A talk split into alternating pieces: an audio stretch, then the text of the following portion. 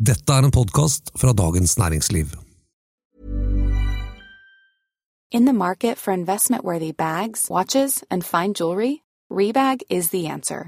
Rebag is a luxury resale platform where each piece is carefully inspected by experts to ensure quality and authenticity. Use Rebag to buy and sell finds from the world's top brands, including Louis Vuitton, Chanel, and Cartier. Head to Rebag.com and get up to 15% off your first purchase as a member with code REBAGNEW. Shop today at Rebag.com. That's R E B A G.com. And use promo code REBAGNEW for up to 15% off your first purchase as a member. A lot can happen in three years, like a chatbot may be your new best friend. But what won't change? Needing health insurance. United Healthcare Tri Term Medical Plans, underwritten by Golden Rule Insurance Company, offer flexible, budget friendly coverage that lasts nearly three years in some states. Learn more at uh1.com. It's that time of the year.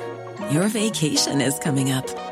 You can already hear the beach waves, feel the warm breeze, relax, and think about work. You really, really want it all to work out while you're away. Monday.com gives you and the team that peace of mind. When all work is on one platform and everyone's in sync, things just flow wherever you are. Tap the banner to go to Monday.com.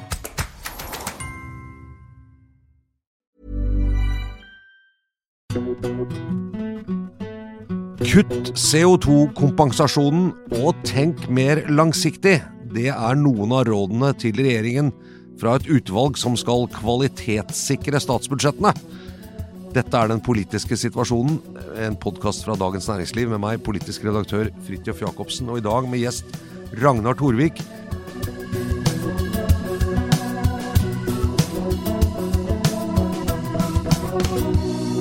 Professor i samfunnsøkonomi på NTNU i Trondheim, men også leder av Rådgivende utvalg for finanspolitiske analyser.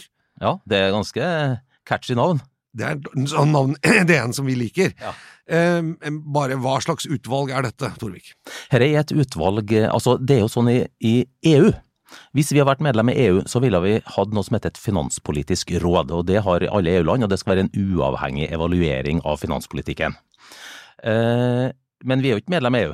Nei. Eh, Så vi har hatt, det utvalget har eksistert lenge, men nå de siste tre årene så har det blitt gjort mer uavhengig, eh, og vi skal komme med en årlig uttalelse som skal være kort, og som skal vurdere ja, er, det, er vi på en sti i finanspolitikken som vi kan fortsette på, altså er, eh, er det bærekraftig finanspolitisk det vi holder på med.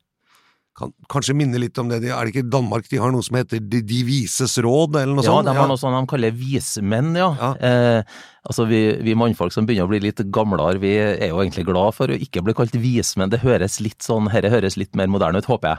Okay. Men det har noe av det samme rollen. Altså vi skal være, vi skal stille spørsmål, og kanskje også komme noen svar.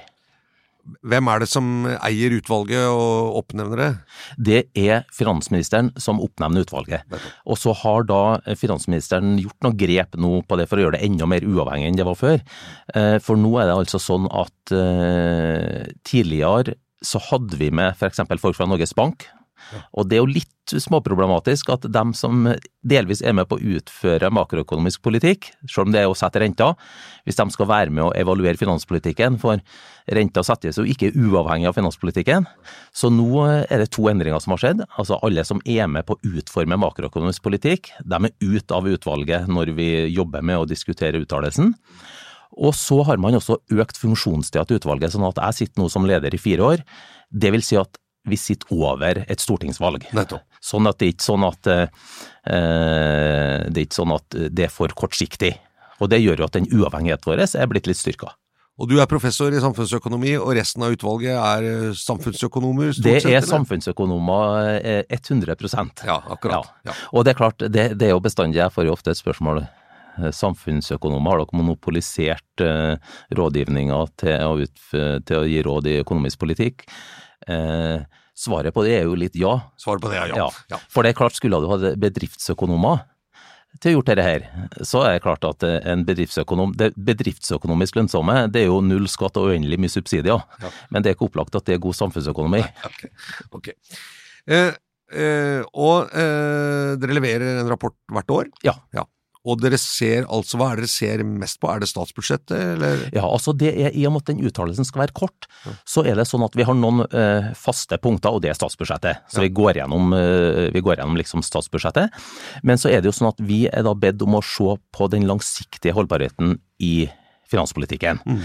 Og da blir det litt for kortsiktig å bare se på hvert statsbudsjett, så derfor plukker vi ut noen temaer hvert år, og det kan variere litt over tid, hva vi mener er viktig og hva vi mener det bør være mer fokus på. Ja. Og da tar vi opp det i tillegg til at vi uttaler oss om de årlige budsjettene. Og eh, Deres uttalelse for i år er publisert eh, denne uka. Ja. Eh, når vi tar opp dette er det onsdag, den ble vel publisert i går? Den ble publisert i går, ja. Eh, helt i begynnelsen så er det en del hovedkonklusjoner. Eh, det er en lang liste over hovedkonklusjoner. Altså, sånn, hvis vi bruker kunstig intelligens her, så stopper det ofte på fem punkter. Men ja. det, har, eh, det er i hvert fall tosifret. Men jeg tenkte vi kunne gå gjennom bare noen av dem. Ja. Og så må du gjerne forklare litt på en måte hva som ligger i det, og hvordan dere er kommet fram til det. Ja et punkt som står ganske Først så står det at budsjettet var godt tilpasset liksom, den situasjonen vi er i, og de økonomiske utsiktene på kort sikt. Så det, det, det, det er bestått, på en måte, statsbudsjettet. Ja. Men eh, neste punkt. De langsiktige konsekvensene av løpende politikk bør tillegges større vekt i de årlige budsjettene. Ja, det er jo en ting som eh, vi er veldig opptatt av, og hvor vi er ganske kritisk, og som vi mener er veldig viktig. Jeg kan ta et eksempel for å illustrere det. Ja. Eh, si nå at eh, jeg er rådgiveren din, og du er finansministeren. Ja. og så sier, du, så sier, jeg til deg at eh, nå må vi få budsjettbalansen til å gå i hop. Vi trenger penger. Ja. Eh, greit, vi øker arbeidsgiveravgifta på inntekter som er høye. Nettopp. Bare et tenkt eksempel her. Ja, tenkt, ja, helt ja. hypotetisk eksempel, ja. ja. Eh, da er det jo da sånn at uh, du som finansminister kanskje tenker det var smart, for da fikk vi inn de pengene. Og det var jo smart i anførselstegn i et kortsiktig perspektiv. Altså hvis du var opptatt av at du skal fokusere på hva er kortsiktseffekten av budsjettet her, du vil ha inn penger, du fikk inn penger, ferdig snakka. Ja, Og det var fra noen som ser ut som de hadde de pengene, altså de gikk ikke konkurs og dette her, nei. Men det er klart, eh, hvis vi da løfter blikket litt og ser på hva er den langsiktige konsekvensen av dette her, så er det jo sånn at det å skattlegge arbeid mer, altså den økninga nå impliserte jo at den høyeste marginalskatten på inntekt, inkludert arbeidsgiveravgift, er 55,8 Da begynner å bli det begynner å bli en forholdsvis høy skattesats. Eh, det kan jo ha implikasjoner både for arbeidsmarkedet, fordi at eh, det å ha skatt arbeid veldig høyt, det er vridende, det kan gi mindre eh, arbeid og innsats enn ellers. Og det kan ha implikasjoner for investeringene i næringslivet. Når kostnadene dine går opp, så er det rimelig kanskje å tro at du investerer mindre. Så det betyr at det som kan virke som, et, som en kortsiktig løsning, det har dårlige egenskaper på lang sikt, fordi at det reduserer investeringer, det reduserer nyskaping, det reduserer produktivitetsvekst. Og er det virkelig noe som har betydning for statsfinansene på lang sikt, så er det jo verdiskapinga. Og det at du da gjør noe på kort sikt som eh, kanskje er det dumt på kort sikt, og det mener jo vi, men la oss nå si at det var smart, eh, så kan det være veldig dumt lang, på lang sikt. Og det som er en rød tråd i vår, vår uttalelse, det er at ja, vi må løfte, vi skal fortsatt tenke på konjunkturene i politikken, men vi må løfte blikket og se hvordan er det vi kan bruke politikken til å stimulere til verdiskaping over tid. For det vil også være bra for statsfinansene. Det kan jo være en motsetning på kort sikt, og sier hvis du reduserer skatten på arbeid, det kan koste deg noe penger på kort sikt. Men det kan bringe inn noe penger på lang sikt, fordi at det gjør at den verdiskapinga vi har i landet her, blir større. Og er det større verdiskaping, og, uh, så bidrar jo det til at du får inn mer skatteinntekt. In the market for investment-worthy bags, watches and fine jewelry, Rebag is the answer. Rebag is a luxury resale platform where each piece is carefully inspected by experts to ensure quality and authenticity. Use Rebag to buy and sell finds from the world's top brands, including Louis Vuitton, Chanel, and Cartier. Head to Rebag.com to get 5% off your first purchase with code REBAGNEW. Shop today at Rebag.com. That's R E B A G.com. And use promo code REBAGNEW for 5% off your first purchase. Even when we're on a budget, we still deserve nice things. Quince is a place to scoop up stunning high end goods for 50 to 80% less than similar brands. They have buttery soft cashmere sweaters starting at $50, luxurious Italian leather bags, and so much more.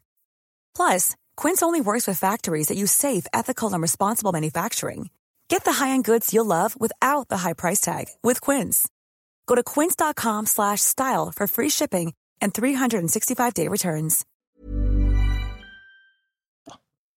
Og da blir det også enklere å lage statsbudsjett for kommende Det blir det. Ja, ja. Og dette er jo på inntektssiden. Ja. Altså negative Nettopp. konsekvenser av nye inntekter som du må skaffe deg, i, i det som ble beskrevet som en krevende situasjon, rett og slett for å få det til å gå opp. Absolutt. Eh, og så er det jo utgiftssiden. Ja. Eh, jeg vet ikke hvor mye dere er inne i det, men, men eh, utgifter i statsbudsjettet er jo Noe er jo engangs. Eh, Ja. Bygge et bygg eller kjøpe et kampfly eller sånne ting. Ja. Mens andre er jo noe som vil eh, ligge på en måte på utgiftssiden til lang tid. Jeg tenker for eksempel det å sette ned egenandelen i barnehager. Ja. Fra 3000 til 2000 for alle, og, og 1500 for, for noen da, i, i mindre kommuner. Politisk sett blir jo det veldig vanskelig å få reversert. Hvordan er, er det også noe med de langsiktige konsekvensene? Ja, det er det absolutt. Altså, det er klart, hvis vi tenker hva er et budsjett? Jeg tipper fleste av oss, når vi lærer om et budsjett, det første vi lærer er at det kommer noe penger inn, og så går det noen penger ut. Og holdbarheten i eh, det budsjettet, det er verken isolert sett å se på pengene som kommer inn, eller isolert sett å se på pengene som går ut, men det er balansen mellom dem. Så vi er ganske detaljert på noen områder og går gjennom en del offentlige utgifter som vi mener er har For det første er de veldig dyr, men så er de dyrere enn de kan framstå. Fordi at de er med på f.eks. vi har en sånn CO2-kompensasjonsordning som eh, sørger for at vi skal holde på plass den industrien vi har levd av i fortiden, at den skal være der i framtiden. Ja, skal vi oppnå det, så må vi gi massive subsidier. Det koster jo penger, og så koster det mye penger ekstra i forhold til det vi tenker. Vi kan kanskje tenke at ja, ok, den CO2-kompensasjonen den koster 75 milliarder over de neste årene. Det er like mye som Ukraina-hjelpen. Eh, det var mye, ja, men det er en underdrivelse av kostnadene, og det er flere grunner til det. Fordi at når vi skal ta inn penger gjennom skattlegging, Ja. så er det jo sånn at ja, hvis du er hvis du driver selskap da, og jeg, eh, og jeg skatter det selskapet litt mer sånn at avkastninga på investeringene dine går ned, da tipper jeg kanskje at du kommer til å investere mindre enn det du ellers ville ha gjort. Det betyr jo det at når jeg tar skatt fra deg, så går investeringene ned, og da går fremtidig verdiskaping ned. Det er jo en kostnad som kommer i tillegg til det 76 milliardene vi casher ut litt Ja. mer i det korte bildet. Nettopp. Og i tillegg til det, så er det jo sånn at det som gir vekst i en økonomi, det er omstilling. Ser vi på Norge, sant, eh, si at vi gjør et tankeeksperiment at vi satt i 1950, en gjeng, og så sender vi en person til framtida, og så får han komme tilbake og fortelle oss hva som har skjedd. Ja. Da ville den personen komme tilbake, og så ville han kanskje sagt følgende, i hvert fall ville det være sant, han ville ha sagt ja, jeg kan fortelle dere det, at 90% av arbeidsplassene i den største delen av næringslivet, de hadde gått tapt. Det tipper jeg vi I 1950-næringslivet, ikke sant? i 1950-næringslivet, de ville gått tapt. Det tipper jeg at vi ville, første vi ville tenkt, Houston, we have a problem. Ja. Men har vi egentlig det? Nei, i 1950, den største, det største private næringslivet i 1950, det var jordbruket. Ja. De sysselsatte 20% av arbeidsstyrken. I dag sysselsetter jordbruket 2% av arbeidsstyrken, så 90% av arbeidsplassene har gått tapt. Ja. Men var det dårlige nyheter? Nei, det var gode nyheter. Fordi at den arbeidskrafta som var låst inn i lavproduktiv virksomhet, den fikk vi over i annen virksomhet. Ja. Og da ser vi enda et potensielt problem med selektive næringssubsidier. De låser fast de arbeidsplassene vi har levd av bakover, fordi vi tror vi skal leve av dem framover. Men det er en dårlig politikk.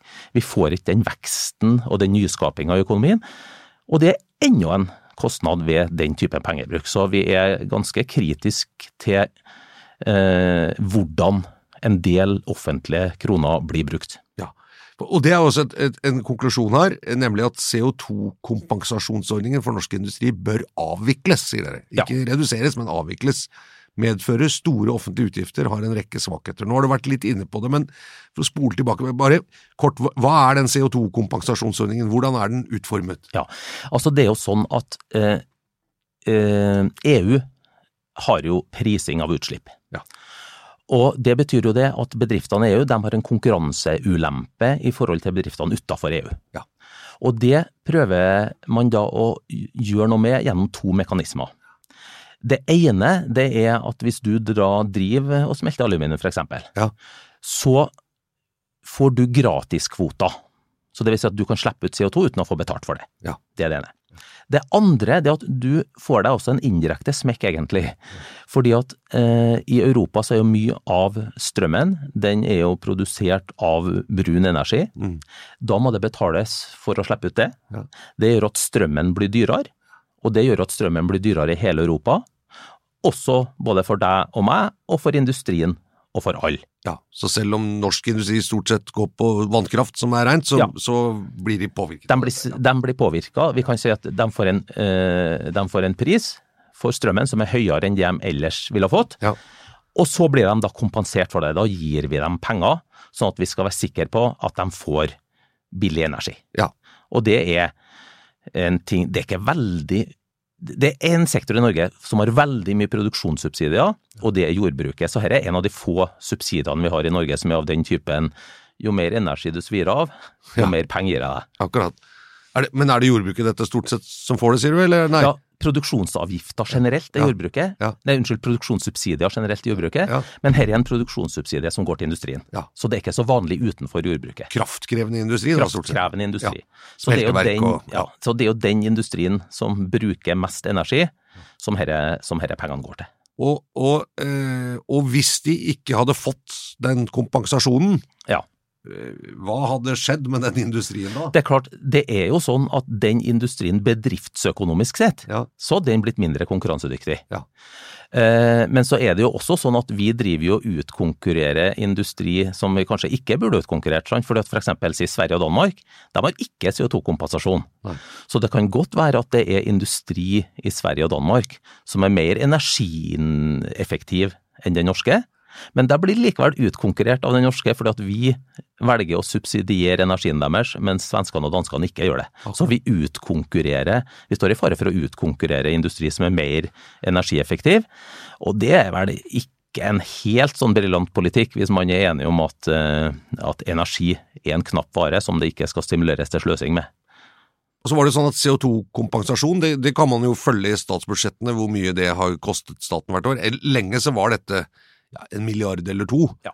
Eh, Så en relativt liten eh, Ja. utgift, Ja. hvis man skal si. Jeg kan godt si, som du sier, om det er, man kunne fått brukt arbeidsinnsatsen og investeringene på noe annet, men utgiftsmessig var det lite. Men nå er det, den utgiften blir stadig høyere, Ja, peker for- dere på. Ja, for, for, for nå er det sånn at eh, prisen på energi, den har jo gått i taket. Ja.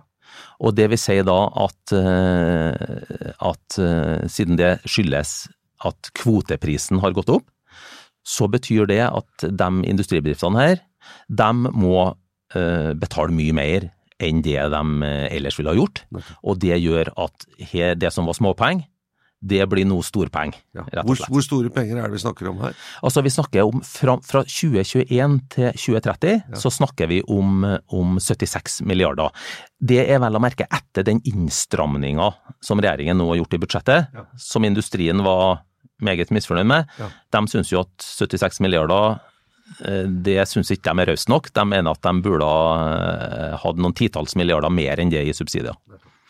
Eh, Og hvis man skal se på fremtidsbildet her, så er det ikke noen grunn til å tro at dette kommer til å bli noe særlig billigere fra 2030 og fremover heller. Nei, vi, det, det er det liten grunn til å tro. Mm. Og det er jo klart, vi må jo også spørre oss, ja, hvorfor er strøm dyrt? Ja, strøm er dyrt fordi det er veldig verdifullt.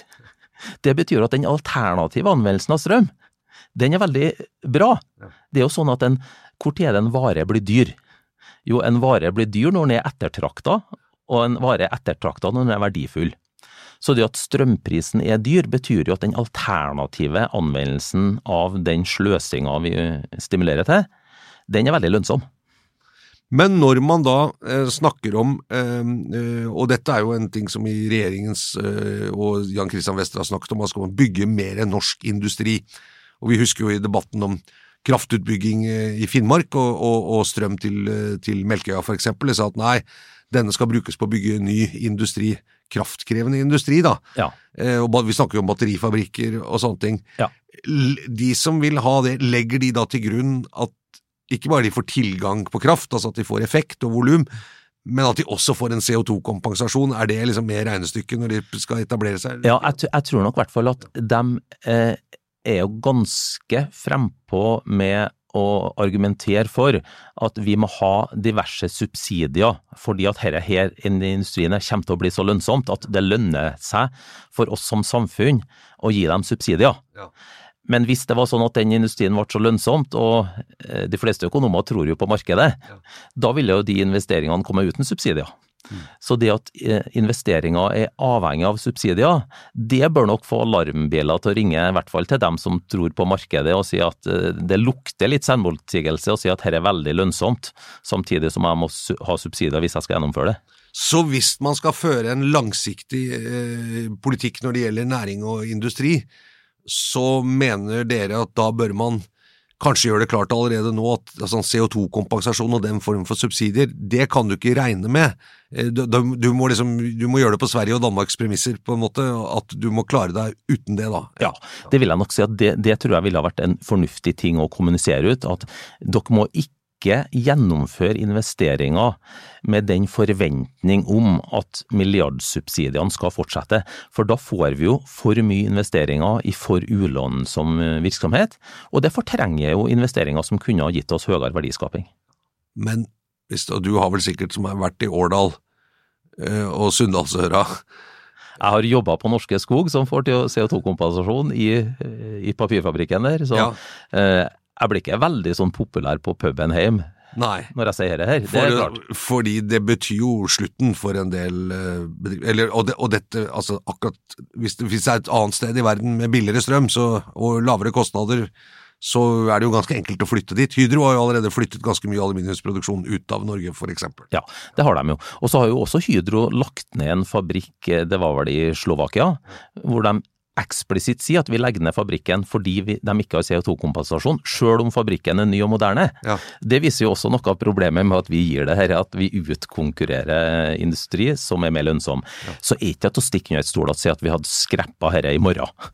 Nei, ikke sant. Nei, nei. Eh, da ville nok den industrien eh, den ville ha fått et omstillingsproblem. Eh, og det er klart at det er ikke så enkelt som å si at dem som eh, jobber i Årdal og Sunndal, dem kan i morgen få seg jobber som hjernekirurger. Altså, det er, en, det er en eh, omstilling her i økonomien, men det er jo sånn at det å være omstillingsdyktig, det er jo kanskje noe Norge har fortrinn i, faktisk. Fordi at vi har jo en, vi har jo en stat som kan hjelpe til å løfte opp og løse de midlertidige problemene som kan oppstå i form av sånne omstillinger. Så om noe, så bør vi kanskje tenke på at den politiske strukturen som vi har i Norge, den velferdsstaten vi har i Norge, det kan jo være et eh, fortrinn når det gjelder store omstillinger, som kanskje er mer problematisk enn andre land. Og her må vi jo bare minne om at det det er nok noen som husker deg for at du også ledet dette skatteutvalget, Ja. eh, som eh, leverte en rapport med mange interessante ting. Det ble, det ble jo bare lagt i skuffen umiddelbart. Ja. Eh, og en av grunnene til det var jo at eh, for å skape inndekning, f.eks. For, for lavere skatt på arbeid, så eh, så måtte det komme med noe forslag, høyere moms på mat f.eks., Ja, som ja. var litt dårlig timing på. Det, var, det er klart, det. når matprisene går i været og vi sier mat bør bli dyrere, Ja. Så er jo det eh, et forslag som vi skjønner Ja. at ikke er veldig populært. Samtidig så er det jo sånn at når vi eh, foreslår ting, eh, så skal det jo for det første være provenynøytralt. Det vil si at vi syns det, det var så viktig å få redusert skatten på arbeid, og vi må dekke inn. Og da er det bedre å ha noe enklere system med mer lik moms på alt, og heller lavere skatt på arbeid. Som det jo var en god stund. Det er jo, det er jo ikke Ja. liksom historisk at mat har hatt halv, halv merverdiavgift sammenlignet med andre varer. Nei, det er ikke det.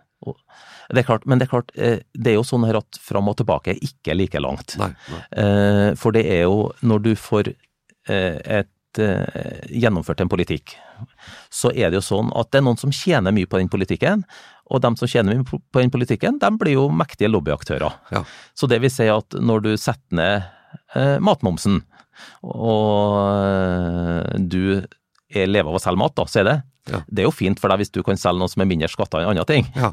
Så du vil jo da bruke ressurser på å unngå at vi høyer ned matmomsen igjen, og du vil mer sannsynlig nå gjennom med den lobbyvirksomheten din fordi du var mektigere enn før vi satte ned matmomsen. Og fordi hele verdikjeden fra bønder via eh, som, ja. sto, sto, store samvirkene til butikkleddet butikkleddet er jo enige om dette. ikke Ja. sant? Ja. Men, men jeg bare sier det fordi at eh, eh, det som eh, var det vi så på skatteutvalget, og også her, er jo at når løsningen kommer, f.eks. avvikle CO2-kompensasjonsindustrien, så, så politisk er det kanskje ikke så realistisk, i hvert fall ikke at Arbeiderpartiet skal liksom legge ned de klassiske industribedriftene som ble lagd av Jens Christian Hauge og, og Finn Lied og, og Gerhardsen i sin tid. Eh, og at det skal bli færre kjeledresser, liksom, det, Ja. det rimer jo ikke helt med budskapet. Men, men det dere peker på, hvis man liksom ser bort fra selve løsningen, er jo at problemet går jo ikke bort. Og det er vel det samme med når dere foreslår lavere skatt på arbeid, så er det ja, skal vi ha flere i arbeid? Det problemet går ikke bort. Nei. Det problemet, det er en del problemer som ikke går bort. og er klart, Jeg ser jo det at eh, eh, det er jo ikke liksom en gavepakke til kraftsosialistene eh, at eh, vi si at det skal være mindre subsidiering. Eh, men jeg tror likevel at vi må si det vi mener er rett. Og så tror ikke jeg at denne CO2-kompensasjonen kommer til å bli satt til null i morgen. Men jeg tror kanskje at hvis vi løfter dette til debatt, så blir det i hvert fall et økt fokus på ja, hva er det dette egentlig koster oss, og hva kan vi gjøre med det. Og det samme gjelder jo på arbeidsmarkedet, og der er vi jo alle, tror jeg, i Norge enige om problemforståelsen. Vi har en god nyhet og vi har en dårlig nyhet for det norske arbeidsmarkedet. Den gode nyheten det er at vi har høy yrkesdeltakelse. Den dårlige nyheten det er at flere og flere havner på helserelaterte ytelser. Og den dårlige nyheten blir forsterka fordi at det er særlig unge folk, altså andelen av den unge befolkningen som havner på uføretrygd, den har omtrent dobla seg på 25 år. Og det er en tragedie for dem det gjelder, og det er en tragedie for samfunnet. Den problemforståelsen oppfatter jeg at det er enighet i hele det politiske spekteret om. Ja.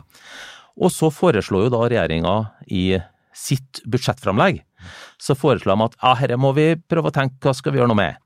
Jo, eh, sysselsettingsutvalget som la fram sin rapport i 2001, de anbefalte at vi skal ha noe som heter uh, uh, uh, uføre en, en testing av arbeidsorientert uføretrygd.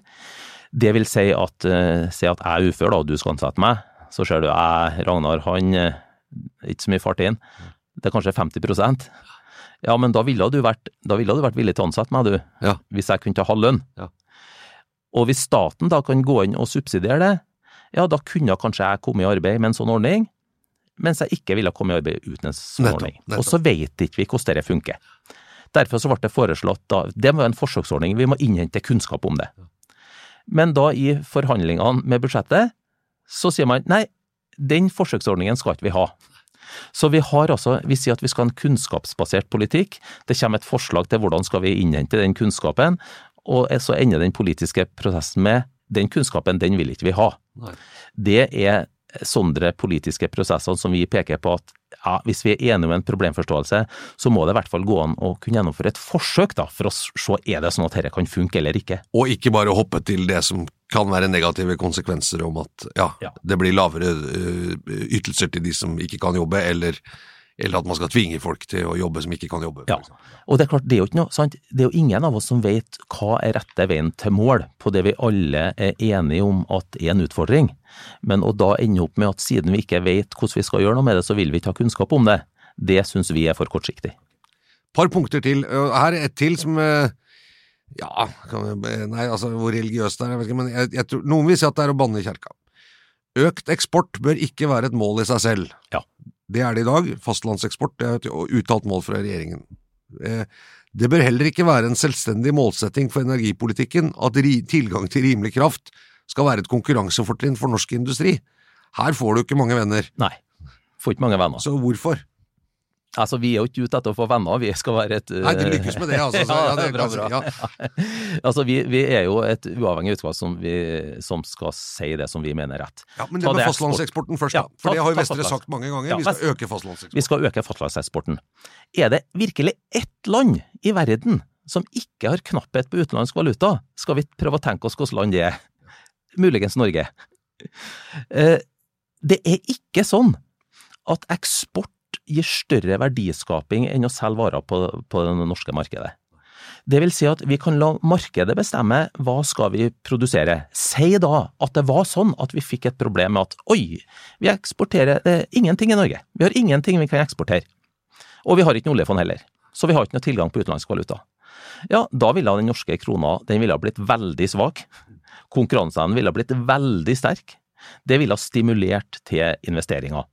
Så markedet sjøl klarer å ordne opp hvor mye av varene skal vi selge i Norge, og hvor mye skal vi selge i utlandet. Vi trenger ikke en planøkonomisk beslutning for å finne ut at nei, vi skal ha x prosent høyere eksport enn det vi har i dag. Nei. Så kan du si ja, det var kanskje da en dum beslutning av et eksportmål. Men vi går nok lenger enn det. Vi sier ikke bare at det er en dårlig beslutning, vi sier at det er en beslutning som har skadevirkninger på norsk økonomi.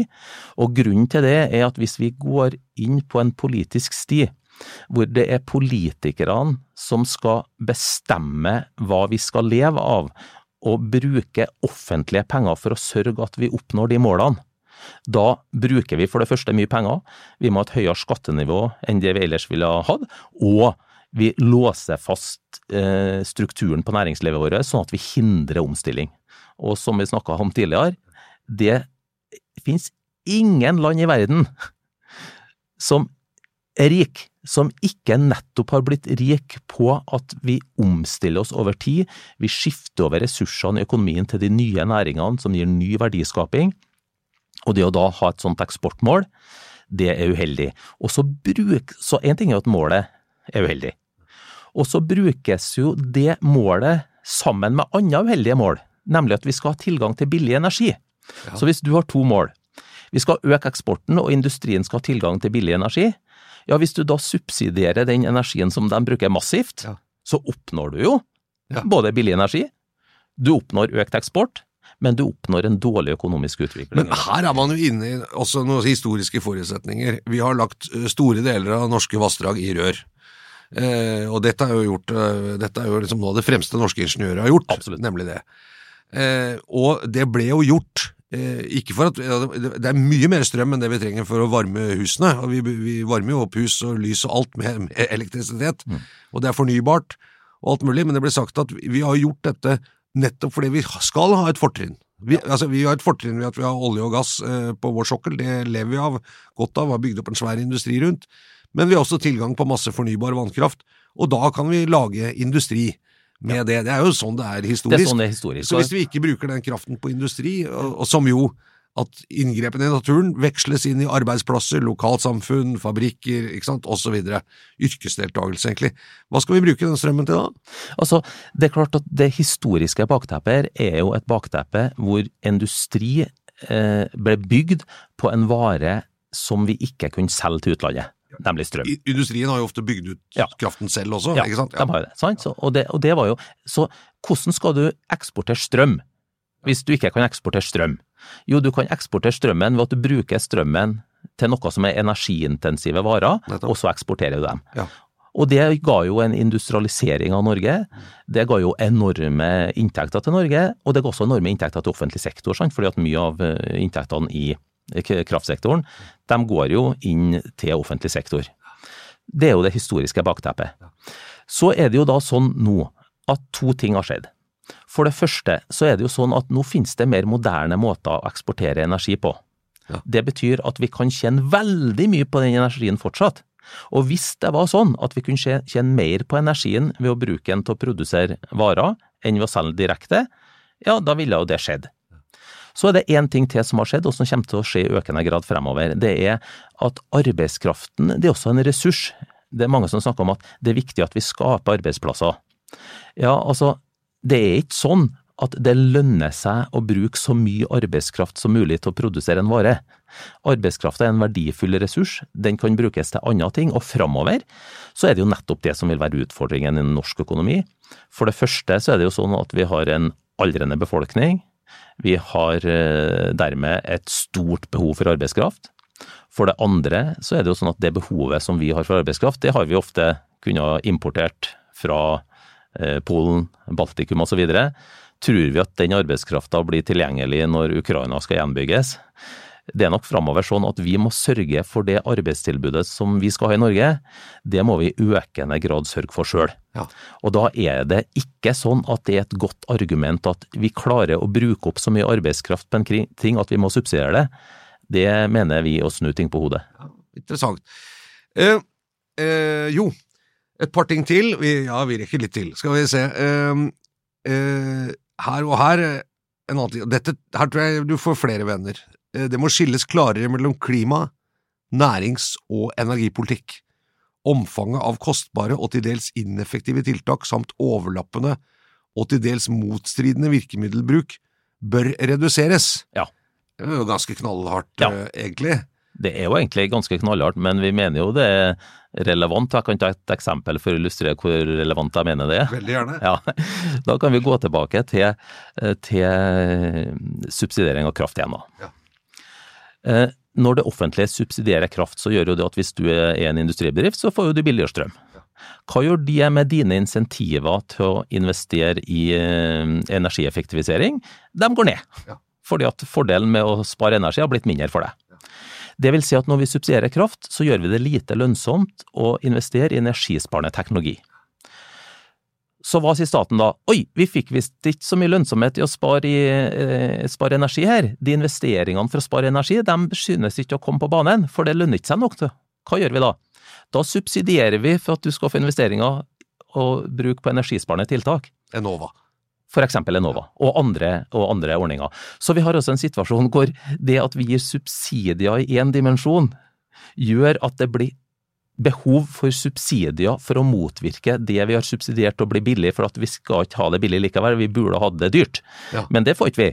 Og da må vi kompensere opp det med at subsidier på ett område utløser økt behov for subsidier på et annet område. Og da har vi det som vi eh, kan tenke på som en subsidiemultiplikator. Ja. Altså litt subsidier utløser behov for og krav om mer subsidier. Og det er en disaster for statsfinansene hvis lobbyorganisasjonene får gjennomslag, ikke bare for at de skal ha subsidier, men de skal ha subsidier for å motverke effektene av de subsidiene de fikk. Ja, nettopp. Ok. Ja, det, ja, det, det henger på greip. Det henger på greip. Dette med klima, nærings- og energipolitikk, eh, onde tunger, eh, eller onde, noen vil jo si at under dekka det man kaller det grønne skiftet, så er dette blitt eh, egentlig et slags eh, landskap der man kan drive sånn tilkarring, rent-seeking, eh, subsidier. Eh, man kan eh, det, altså det egentlig er sånn Vi har, så det litt på den batterifabrikken oppe i Mo i Rana, eh, med Freyr og sånn. Eh, er det det dere egentlig peker på her? At liksom Ja. under dekka klima og industri så kan man få en sånn Ja. Altså det er, det er en del ting som egentlig er næringspolitiske subsidier, som man prøver å fordekke som klimapolitikk. Ja. Og det at vi bruker peng, hvis vi da bruker penger på det, så vil det fortrenge mer effektiv klimapolitikk. Og det er jo midt i kjernen av eh, vårt mandat. Vi skal se på bærekraften i offentlige finanser. Er det sånn at vi skal ha en grønn omstilling som skal være mye større og mye kraftigere enn vi kanskje har tenkt oss, da blir det ekstra viktig at den grønne omstillinga, den må vi gjøre så effektivt og så billig som mulig. fordi at da koster for det første mindre penger, og for det andre så blir effekten på omstilling større jo mer effektive virkemidlene er. Og det er ikke effektive virkemidler å f.eks. si eh, oi, nå har vi litt lite energi når energien er litt dyr, da subsidierer vi noen fabrikker som skal bruke mye energi. Det høres ikke helt rett ut. Nei. Og så et siste punkt her. Dere sier eh, ja, Nest siste er altså at den ekstra arbeidsgiveravgiften på høye lønninger bør fjernes snarest. Der kom jo finansministeren dere i forsk- Det gjorde den, ja. forkjøpet, og den blir fjernet fra 2025. Den blir fjerna fra 2025, og vi får håpe at den da blir fjerna fra 1. januar 2025. Ja. Det er klart han har sagt den skal fjernes før valget. Eh, 1. september, liksom. Ja. Ja, vi får se da, men vi, vi, vi tar opp det her fordi at eh, vi mener at det fortsatt er aktuelt. Og så er det jo et eksempel på at vi mener at for kortsiktig fokus i finanspolitikken kan gi finanspolitiske løsninger som ikke står seg i et langsiktig perspektiv. Ja, vi, Den skal følge veldig med på når den skal bort, det kan jeg love deg. Der, okay, ja. der er vi monomane. Eh, men siste punkt er det er fortsatt behov for en utredning av en mulig justering av handlingsregelen. Ja. Og det regner jeg jo da med at du mener at man må ta ut mindre penger, da, eller? Nei, det er egentlig ikke det som Nei, okay. er vårt primære, eh, vårt primære standpunkt her. Det som er bakteppet her, det er at vi har, hvis vi ser på, hvis vi ser på ut, de offentlige utgiftene i Norge, så er det sånn at i løpet av en uh, 20-årsperiode så har de ish gått fra oljefondet har ish finansiert fra 5 tidligere til en par og 20% offentlige utgifter nå. Fordi det er så stort. Fordi det er så stort, sant? og det er jo god nyhet. Sant? Vi har, det Oljefondet har blitt mye større enn det vi har eh, regna med. Vi var jo, Tidligere i norsk økonomi så var vi veldig utsatt for oljeprisen. Mm. Fordi at mye av forma vår lå som olje under havets bunn. Nå er vi veldig utsatt for svingninger av finansmarkedene. Ja. Eh, og det betyr at hvis vi får store verdiendringer i oljefondet, så kan det sette stort press på finanspolitikken, og det presset kan komme veldig fort. Og særlig den kortsiktige, da. Særlig den kortsiktige, Ja, ja. Eh, og det betyr at vi mener at sånn som den handlingsregelen er, så må vi stille oss spørsmålstegn om den er robust. og det er noen egenskaper med den regelen vi har i dag, som vi mener ikke er bra. For jeg prøver meg på et enkelt talleksempel. Ja, ja. Ja. Si at hele oljefondet, det var at vi kjøpte en statsobligasjon til 100 kroner. Ja. Og så, eh, hva var avkastninga? Jo, eh, vi sier at eh, den obligasjonen ble til evig tid, og så betalte den utstederen av den statsobligasjonen, f.eks. den amerikanske staten, de betalte oss to kroner i året for den. Ja.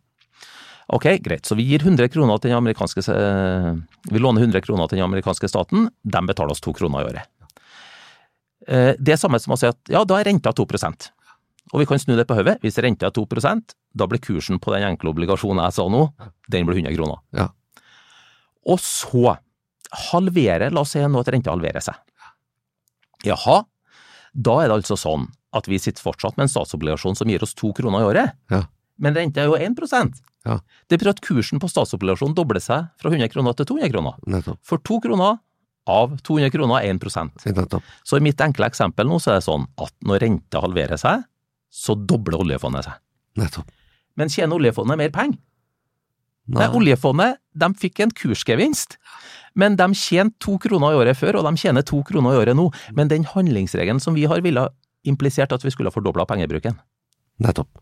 Det er eh, Det jeg sier nå er jo veldig sånn forenkla teoretisk. Det henleder likevel oppmerksomheten på at det er noen egenskaper med vår handlingsregel som vi må tenke gjennom. Er does dette make sense? Ja. Og da tenker vi at det Vi har ikke svaret på det. Eh, Men en såkalt kontantstrømregel, det kan være én mulig vei å gå, men det er jo virkeligheten mye enn, nei, mye vanskeligere enn det jeg sa nå. Så vi sier at av den grunn så har ikke vi et gryteklart forslag til hvordan vi skal endre handlingsregelen, men vi syns at det problemet som vi påpeker her, det er viktig nok til at det bør utredes, og det bør det gjøres raskt. Kontantstrømmen, det er altså at det vi kan ta ut av oljefondet, er det vi får i utbytte og, og avkastning Ja, på eiendom og rentepapirer. Ja, så i mitt eksempel sant, så var det to kroner. Ja. Det var det som vi fikk. Nettopp. Men der er man jo også konjunkturutsatt, for hvis det går veldig dårlig for mange bedrifter som vi eier aksjer i, så vil de jo kanskje dele litt mindre utbytte, for eksempel. Ja. Sant? Så det er, jo, det er jo ikke helt rett fram hvordan skal du designe en kontantstrømregel, og det var derfor mitt eksempel er litt eh, både illustrativt, men dermed også virkelighetsfjernt. For hva er egentlig kontantstrømmen som oljefondet tjener? Vi har eh, eiendommer, sant? vi har aksjer som gir utbytte, men gir dem mer eller mindre utbytte enn de burde ha gitt? Og hva når bedrifter kjøper tilbake sine egne aksjer? Det er også en form for å gi utbytte til aksjonærene på. Sånn at den praktiske implementeringen av en eventuell kontantstrømregel, den er ikke helt rett fram. Nei. Men eh, det problemet som vi påpeker med sårbarheten til den handlingsregelen som vi nå har, det er jo, hvis det ikke er rett fram å gjøre noe med det, så er det jo desto større grunn til å sette i gang en utredning. Hva kan vi gjøre, og at vi setter i gang den utredninga kjapt. Så det har vi jo pekt på før, og vi besøker det området igjen nå i, i den uttalelsen vi utgir i år. Ok. Ragnar Torvik, tusen takk for at du kom for å redegjorde for noe av det dere har kommet med i deres årlige rapport fra uh, Rådgivende utvalg for finanspolitiske analyser. Det var veldig interessant. Uh, blir du hørt? Jeg føler at noe av det vi sier blir hørt, og så er det jo sånn, det er jo flere måter å bli hørt på. Altså, Vi blir hørt hvis det skaper debatt. og så Spørsmålet blir vi hørt i politikkutforming. Det tror jeg vi blir, ikke vi alene, men for å ta den arbeidsgiveravgifta. Eh, hvis det ikke har vært så sterk motstand for den, men ikke bare oss, det er jo flere som har gjort det. Mm. Så politikken er jo responsiv for hva er fornuftig og hva er ufornuftig. Så i den forstand så tror jeg vi blir hørt litt. Men jeg tror ikke at alt som vi foreslår bare blir stempla rett inn i statsbudsjettet 2025. Det har ikke jeg noe tro på. Nei. Vi får se til neste år. Kan vi invitere deg igjen med ja, vi kan, altså, vi kan ta en prat. Ja. ja, la oss gjøre det. Takk for at du kom, Ragnar Torvik. Dette har vært Den politiske situasjonen, en podkast fra Dagens Næringsliv med meg, Fridtjof Jacobsen, i studio. Eh, vi sender hver uke, og jeg er også tilbake neste uke med en ny utgave. Produsent heter Gunnar Bløndal, og takk for at du hører på. Ha det bra.